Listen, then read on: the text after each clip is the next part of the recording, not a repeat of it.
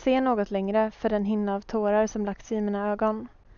De vita väggarna, det ljusa golvet och taket med stora lysrör som bländade mig flöt ihop till ett och jag kunde inte längre avgöra vad som var vad. Med andra ord kändes det ungefär lika virrigt och blurrigt som på insidan. Huvudet dunkar av trötthet, ansträngdhet och antagligen både av närings och vätskebrist. Mina händer darrar och jag orkar inte längre hålla upp överkroppen utan sitter krummad i en hållning man skulle kunna kalla för hösäck. Men hur ont den gör i huvudet kan det inte mäta sig med smärtan jag känner inombords. Det gör så ont så det känns som bröstkorgen expanderar och snart kommer sprängas. Jag har aldrig känt något så fruktansvärt och jag visste inte ens att det var möjligt att få plats med så mycket ångest i en och samma kropp. Hjärnan som varit på högvarv hela natten och hela dagen tycks nu ha stannat av helt och jag kan inte tänka klart längre. Och det känns som att huvudet är fullt med bomull eller kanske ingenting alls. Så jag klarar inte av att tänka utan jag mest bara känner. Hela jag bara känner och det jag känner är hemskt. Plötsligt känner jag en kall hand ta tag i min och bryter bubblan jag byggt upp runt mig. Det är som att jag sakta kommer tillbaka till verkligheten efter att ha tappat greppet om mig själv i den där jäkla bubblan. Hanna, vi har överlagt och vi vill be dig stanna kvar här i ett par nätter.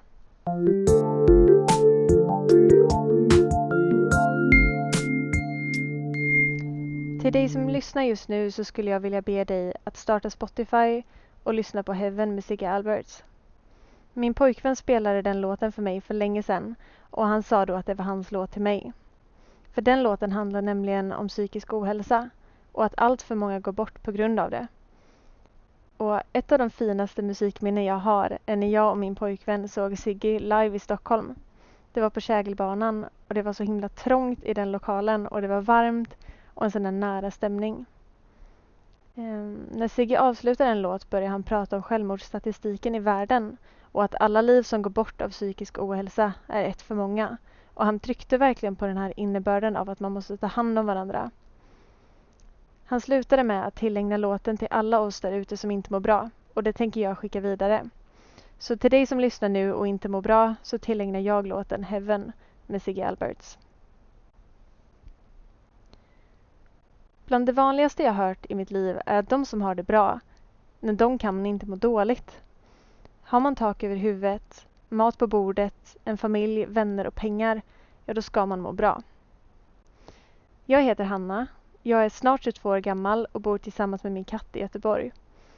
Enligt mig själv så skulle jag säga att jag är väldigt snäll, eh, ganska rolig och jag är också fruktansvärt envis. Jag älskar musik då jag spelar piano Eh, och jag är också helt besatt i söta djur. Jag läser jättegärna böcker och långpromenader är också en favorit hos mig.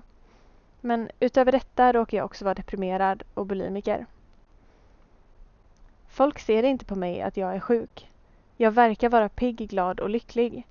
Jag får otaliga gånger i veckan höra att Wow, Hanna, du är så himla glad. Hanna, du är så himla charmig och positiv. Eller, du är så himla uppåt tjej. Och jag köper det absolut. För i skolan, på jobbet eller med vännerna, då är jag sådär pigg, glad och lycklig. Eller i alla fall på utsidan. Men hade jag brutit ett ben, slagit ut en tand eller haft något annat synligt sår, då hade folk direkt sett på mig att jag hade någonting som stod i vägen och påverkade mig och mitt beteende. Men det är inte så det funkar, för folk ser inte mitt handikapp. Människor ser inte hur trasig jag är på insidan att jag ständigt kämpar med att hålla andningen jämn, trycker med all kraft jag har bort alla hjärnspöken, alla ångestattacker och mina tvångstankar. Det finns till utsidan ingen förklaring till varför jag inte klarar av vissa sociala sammanhang, varför jag har svårt med vissa beteenden och till varför jag ibland beter mig lite annorlunda. För man ser inte på mig att jag har ett sånt stort hinder rakt framför mig, så vilket steg jag än tar eller vilket håll jag än vänder mig åt, så är det i vägen.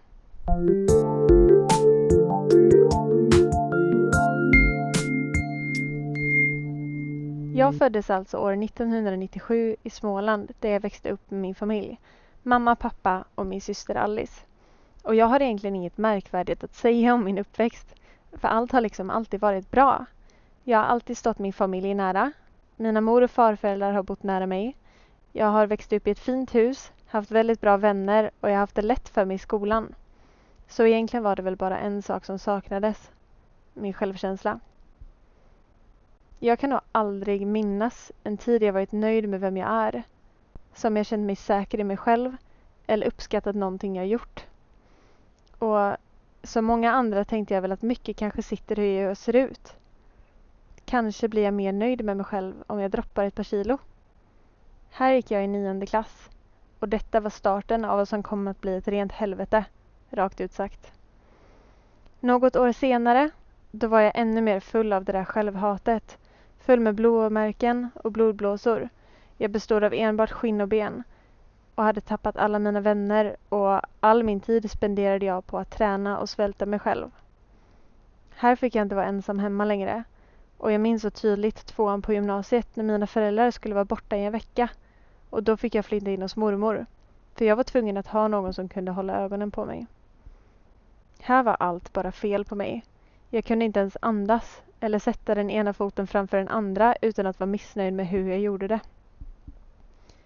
Så många morgnar jag har stått framför spegeln, klätt på mig och borstat håret och sedan brutit ihop för att jag avskytt det som står framför mig så himla mycket. Som sagt var det i nionde klass det började rejält, då självhatet tog över och min anorexiresa började. Jag kunde inte längre äta något utan att få sån där grov ångest så jag inte riktigt visste vart jag skulle ta vägen.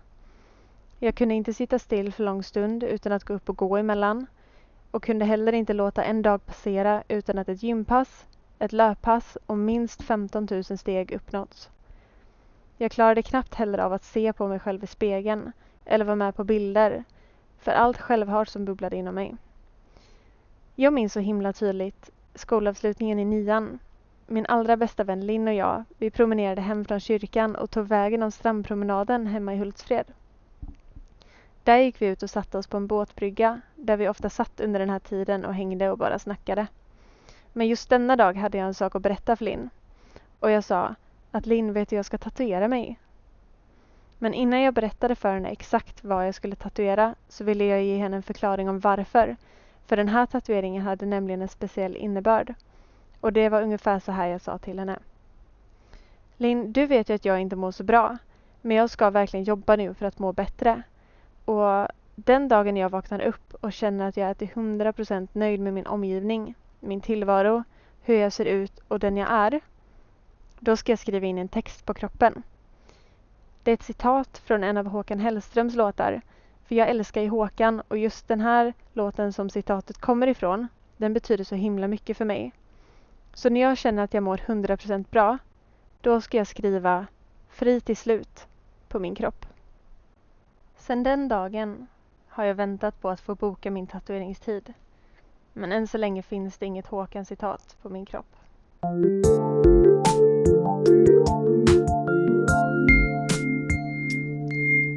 Jag klarade gymnasiet, tro det eller ej.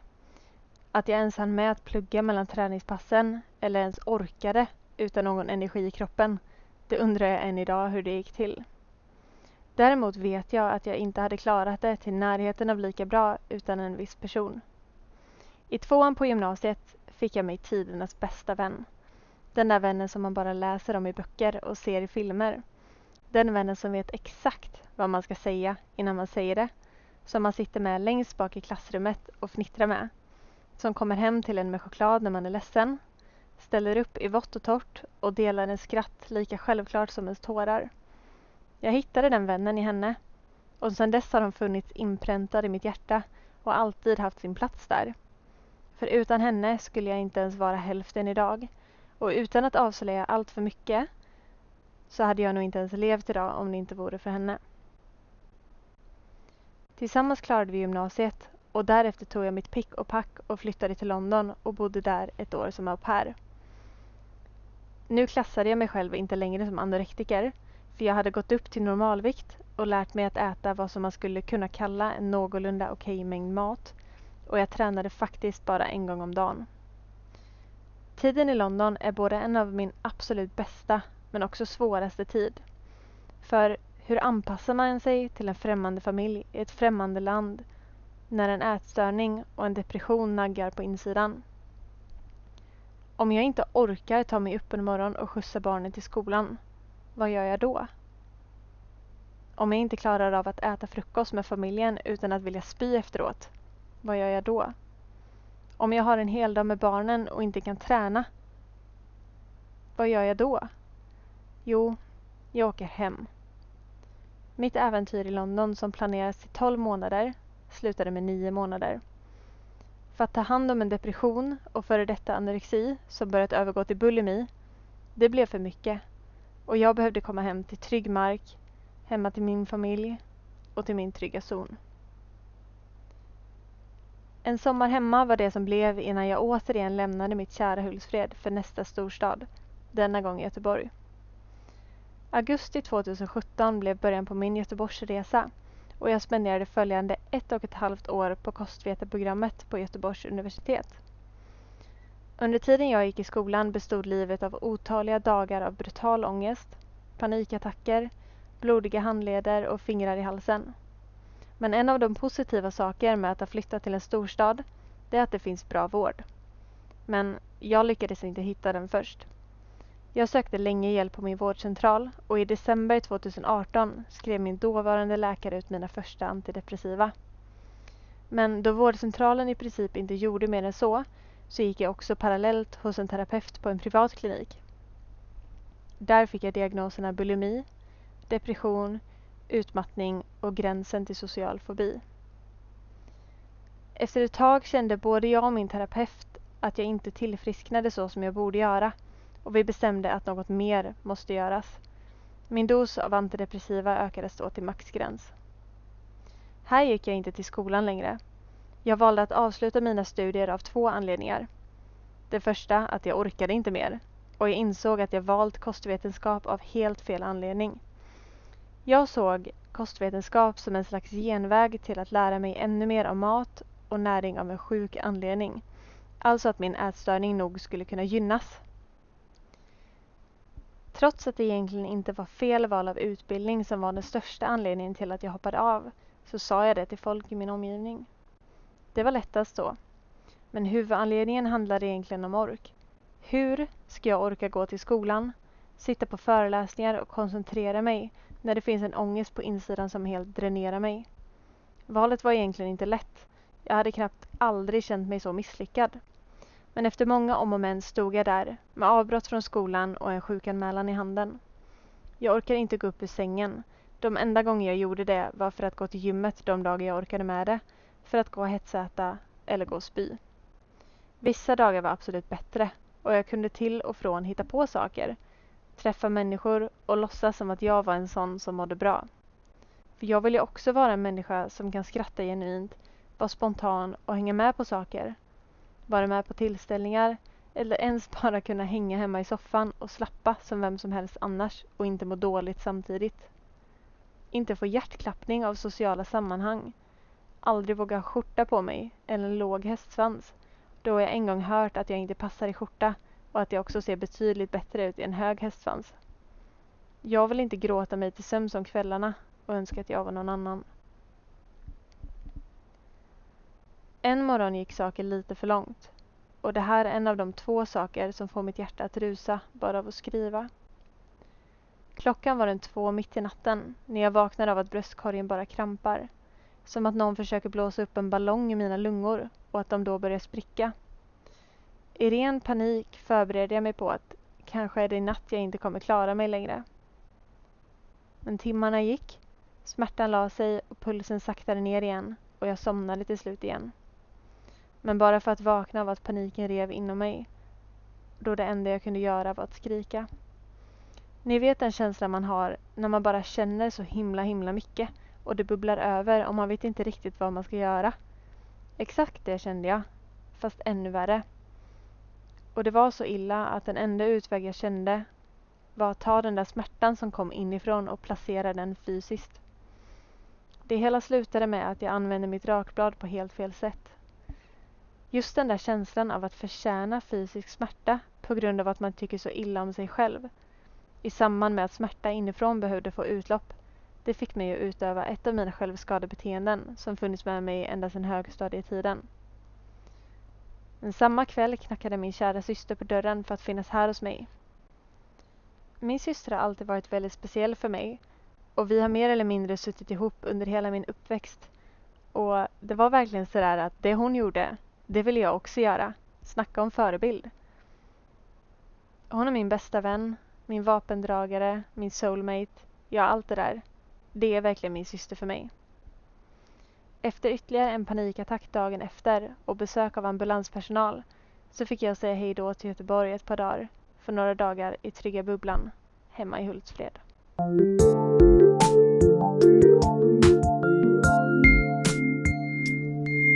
Jag tycker att det är så himla svårt att förklara ångest.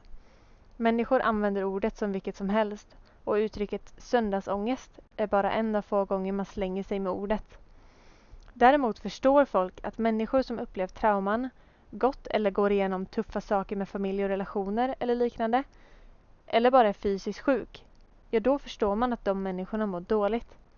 Men många har svårt att se hur en människa utan dessa attribut skulle kunna må dåligt. Det finns för många då inget rimligt skäl till ångest och livsleda. Man får då istället höra saker som Inte mår väl du dåligt? Du som har allt du behöver. Eller Du har ju inte varit med om något jobbigt. Ryck upp dig och hitta på något kul. Men att säga till en person med depression att rycka upp sig och hitta på något kul, det är som att försöka muntra upp en blind person med att gå på konstmuseum. För ångest är på riktigt. Vare sig det utvecklas av trauma eller inte, så gör det ont och det tar liv. Och en gång tog det nästan mitt. Just den dagen var som vilken annan som helst, bara att jag hade lite mycket av just den där ångesten. Nu i efterhand kan jag knappt ens beskriva det, för vad som försiggick i huvudet under just den stunden jag bestämde mig för att jag inte tänkte leva längre är väldigt dimmig. Jag minns vad som hände innan och jag minns vad som hände efter. Jag minns henne, min bästa vän, som med stadig hand tog min och höll den tills jag var redo att släppa den. Men just under stunden, då är det helt blankt. Dagen efter detta spenderades på akuten. Det var en lång väntan och bland det jag minns starkast var hur fruktansvärt obekvämt det var att ligga på bänken i korridoren medan jag väntade på läkaren, som till slut kom. De vita väggarna, det ljusa golvet och taket med de stora lysrören som bländade mig flöt ihop till ett och jag kunde inte längre avgöra vad som var vad. Med andra ord kändes det ungefär lika virrigt och blurrigt som på insidan. Huvudet dunkade av trötthet, ansträngdhet och antagligen både närings och vätskebrist. Men hur ont den gjorde i huvudet så kunde det inte mäta sig med smärtan jag kände inombords. Det gjorde så jäkla ont så det kändes som bröstkorgen expanderade och snart kom att sprängas. Jag hade aldrig känt något så fruktansvärt och aldrig visste jag att det var möjligt att få plats med så mycket ångest i en och samma kropp. Plötsligt kände jag en kall hand ta tag i min. Den bryter bubblan jag byggt upp runt mig och det är som att jag sakta kommer tillbaka till verkligheten efter att ha tappat greppet om mig själv i den där jäkla bubblan. Hanna, vi har överlagt och vi vill be dig stanna kvar här i ett par nätter. Läkaren ville alltså lägga in mig den här gången. Jag sa nej jag ville inte bli inlåst i ett rum. Jag ville hem. Jag ville hem till min lägenhet och ta in det faktum att jag inte var död.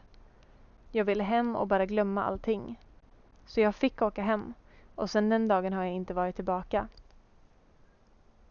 Här vill jag också bara inflika och tydliggöra att jag inte ser det som ett nederlag att stanna kvar och bli inlagd om det är det som läkaren bedömer är bäst. För jag tycker att det är fantastiskt att det finns den möjligheten och jag tycker egentligen att man ska lita på läkarens omdöme och stanna kvar ifall det är det de säger att man behöver. Precis som att du inte säger nej om tandläkaren säger att de måste laga en tand.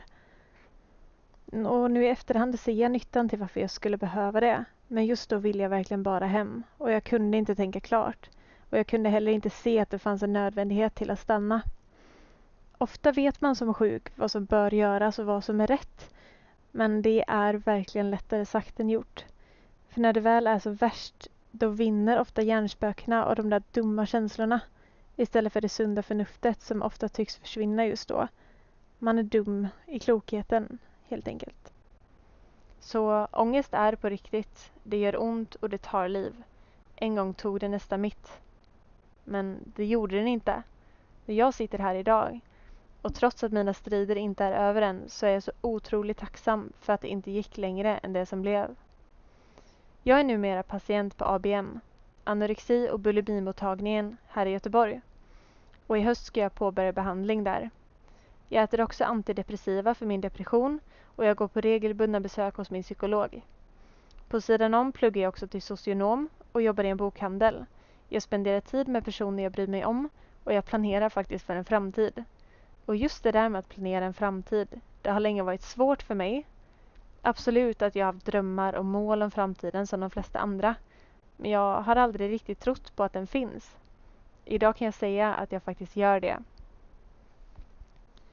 Jag är alltså en av dem som kan säga att jag vet hur det känns att inte vilja leva mer.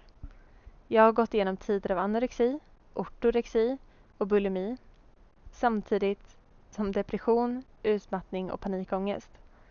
Så min erfarenhet av psykisk ohälsa är stor och även att jag önskar att jag aldrig behövt uppleva något av nyss nämnda så tänker jag ta vara på mina erfarenheter och förhoppningsvis kunna hjälpa någon med vad jag vet av att ha varit en av de drabbade till ångestens vassa klor. Du är så stark Hanna, säger de. Jag hade aldrig orkat det du kämpar med varje dag. Detta är ord jag stöter på var och varannan dag. Men ibland undrar jag vad det betyder. För är jag stark? Jag ligger ju hemma och gråter om dagarna och vågar inte gå utanför dörren ibland. Så ibland när jag får de där orden har jag bara stunden innan nästan dränkts av mina egna tårar och inte ens orkat stå på benen. Så du som säger till mig att du inte hade klarat av att gå igenom det jag gör. Hur vet du det? Du vet inte vad du pratar om. För jag lovar dig, du hade också klarat det. För du hade inte haft något val. För att ge upp det får inte vara ett alternativ. Så man fortsätter framåt, för man måste. Det finns ingen annan utväg. Keep going. Jag håller inte med alla gånger om att jag är stark. Men jag skulle nog säga att jag är ganska modig. För ibland står jag inför val som kräver otroligt mycket mod. Och efteråt så undrar jag hur jag vågade. Hur jag orkade. Hur jag vågade gå på ett socialt event. Hur jag orkade gå utanför dörren när ångesten spikade fast mig i golvet. Och hur jag klarade av att ha kortärmat på jobbet och så vidare. Och problemet med att få höra att jag är stark är att jag ofta känner mig så ensam. Som att jag är en superhjälte som är stark och klarar mig utan hjälp. Men är innebörden av stark att inte behöva hjälp? För jag behöver hjälp, även om jag inte alltid klarar av att be om den. Så ja, det kan ibland kännas otroligt läskigt och ensamt att vara stark. Bara för att man skrattar och ler betyder inte det att allt är bra. För döden kanske nyss knackade på dörren. Även om det inte syns kan man vara som ett barn med monster under sängen som man bara vill ha en varm hand att hålla i i mörkret. Men jag är stark, absolut. Men ibland är jag också svag. För min depression och min ätstörning har gjort mig skör. Men tack och lov har jag fått styrkor som inneboende under tiden. Jag vet att jag ibland sjunker ner till botten. Men jag vet också att jag kan simma upp igen. Men för att göra det behövs ofta en hjälpande hand. Ångest är inte alltid det man först kanske tror. Det handlar inte riktigt om att hela tiden gråta, skära sig i handlederna eller få utbrott. Ångest kan visa sig genom att man bland annat ställer in planer i sista minuten, har grova humörsvängningar, är extremt omotiverad till också de enklaste små sakerna som att duscha eller socialisera. Man hela tiden tror att alla har någonting emot en. Man tror också att man är en börda för alla runt omkring. Man kanske är väldigt distanserad och svår att nå. Man isolerar sig. Man verkar otroligt upprörd och lättpåverkad över små saker. Man kanske hela tiden söker bekräftelse på att ingen är arg eller ledsen på en. Man kanske sover hela tiden eller inte alls. Man kanske äter hela tiden eller inte alls. Och man kanske får regelbundna breakdowns. Detta är bara exempel. Det gäller långt ifrån alla. Det här är bara tagna från mitt liv och min ångest. Innan jag trycker på stopp i mitt inspelningsprogram vill jag bara avsluta mitt avsnitt med att säga Du är inte ensam. Vare sig du lider av en depression, ätstörning, ångest, fobier eller att du är anhörig till någon som gör det eller något helt annat. Du är inte ensam. Hur ensamt det än kan kännas så kommer det förbli en känsla och inte ett faktum. För du är inte ensam. Känner du dig någonsin ensam, så snälla, Försök samla det där modet och prata med någon, för det finns hjälp att få. Och den hjälpen finns hos många. Vare sig du pratar med en närstående, en arbetskamrat, en professionell eller en vän, så snälla bara gör det. Det kommer kännas bättre och det är inte meningen att du ska gå igenom detta ensam. Det finns alltid hjälp att få.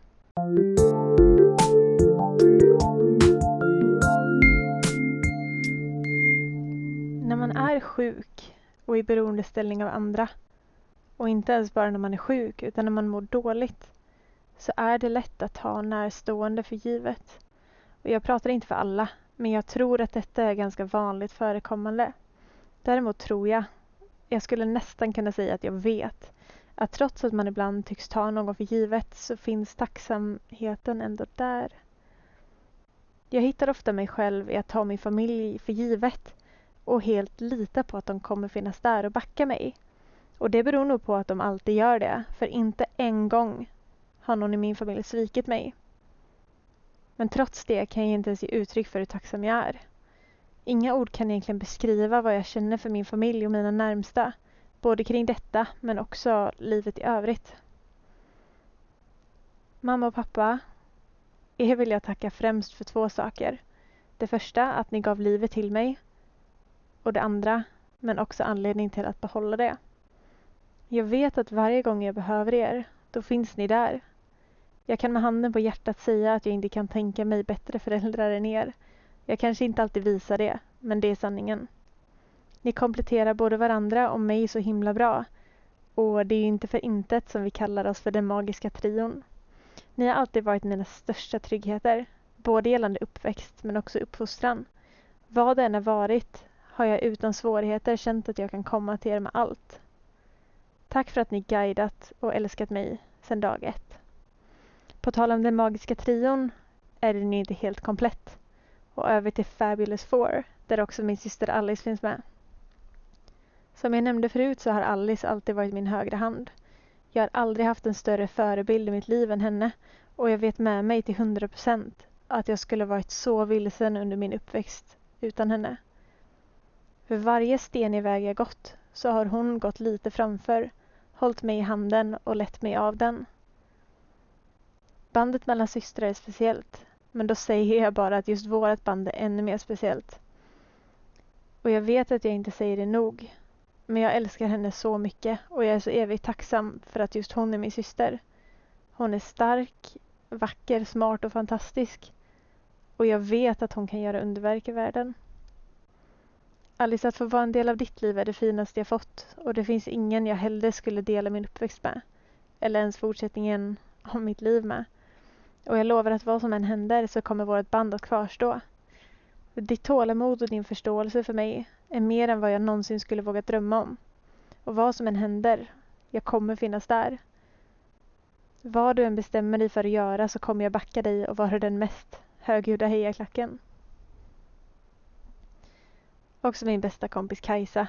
Som jag sa förut så vore jag inte hälften utan dig och jag kan på riktigt inte tänka mig en bättre vän. Du är den som förstår mig bäst, som jag kan öppna mig med till hundra procent, som jag kan gråta med när livet suger och också den som hjälper mig med alla mina problem.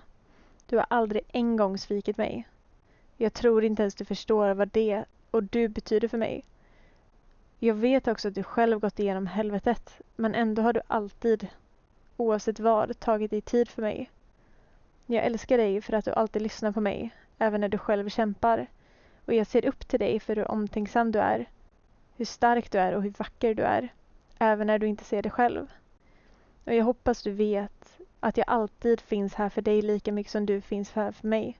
Och jag kommer alltid göra mitt bästa för att ens vara hälften av den vän du är till mig. Simon, dig vill jag såklart också tacka för allt. I dig har jag hittat både en bästa vän och en kärlek. Med dig har jag hittat hem. Som du sa till mig för bara någon vecka sedan så är hem där vi har varandra. Och trots våra ups and downs så kvarstår faktum att det är vi. Det är inte du och jag. Det är vi. Och vi vet ju att vad vi än ställs inför så klarar vi det tillsammans. Så tack Simon för att du alltid finns här hos mig. För att du alltid har en varm famn att krypa upp i. För alla gånger du torkat mina tårar och sagt att jag är världens näst vackraste människa när jag gråter.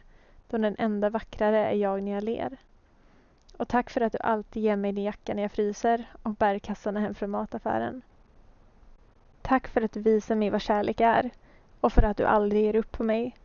Trots att jag kommer med full resväska med ångest och svårigheter ger du aldrig upp på mig och du hjälper mig bära den där väskan. Tack hjärtat. Ord räcker inte. Också Marielle såklart, dig vill jag tacka för så mycket. För att jag hittade en så fin vän i dig. Och jag vill bara att du ska veta att jag beundrar dig så fruktansvärt mycket. För den du är och att du står så stark och fantastisk trots allt du gått igenom. Det finns få jag verkligen skulle kalla starka. Men det finns nog inget ord som passar just dig bättre. Och jag är så galet tacksam att jag fått lära känna dig. Och jag kunde inte tänka mig en bättre poddpartner. Sist men inte minst så vill jag tacka den mest betydelsefulla personen i mitt liv. Mig själv. För att jag klarat allt jag ställts inför. För att jag valt att fortsätta kämpa. Och för att jag motbevisat min ångest och mina tvivel så många gånger. Till slut så vill jag också tacka dig. Tack snälla för att du har lyssnat på mitt avsnitt. Det har varit så lärorikt, kul och samtidigt fruktansvärt ledsamt och jobbigt att skriva det här. Tårarna har gjort mig sällskap många gånger då jag funderat över vad jag ska säga. Men det är så värt det. Jag vill kunna förmedla vad ångest kan vara för någon som inte varit med om någon brytande händelse som dödsfall, skilsmässa eller någon olycka. Och jag är otroligt tacksam för att du lyssnat ända hit. Och trots att jag känner att jag missat viktiga saker att berätta så hoppas jag att du uppskattat mitt avsnitt och att du kanske får en större eller en annorlunda bild av vad ångest kan vara. Nästa avsnitt kommer ni få lyssna på Marielles historia och utan att säga för mycket så kan jag avslöja att ni inte vill missa det. Så du som lyssnar, ta hand om dig för du är den viktigaste personen i ditt liv.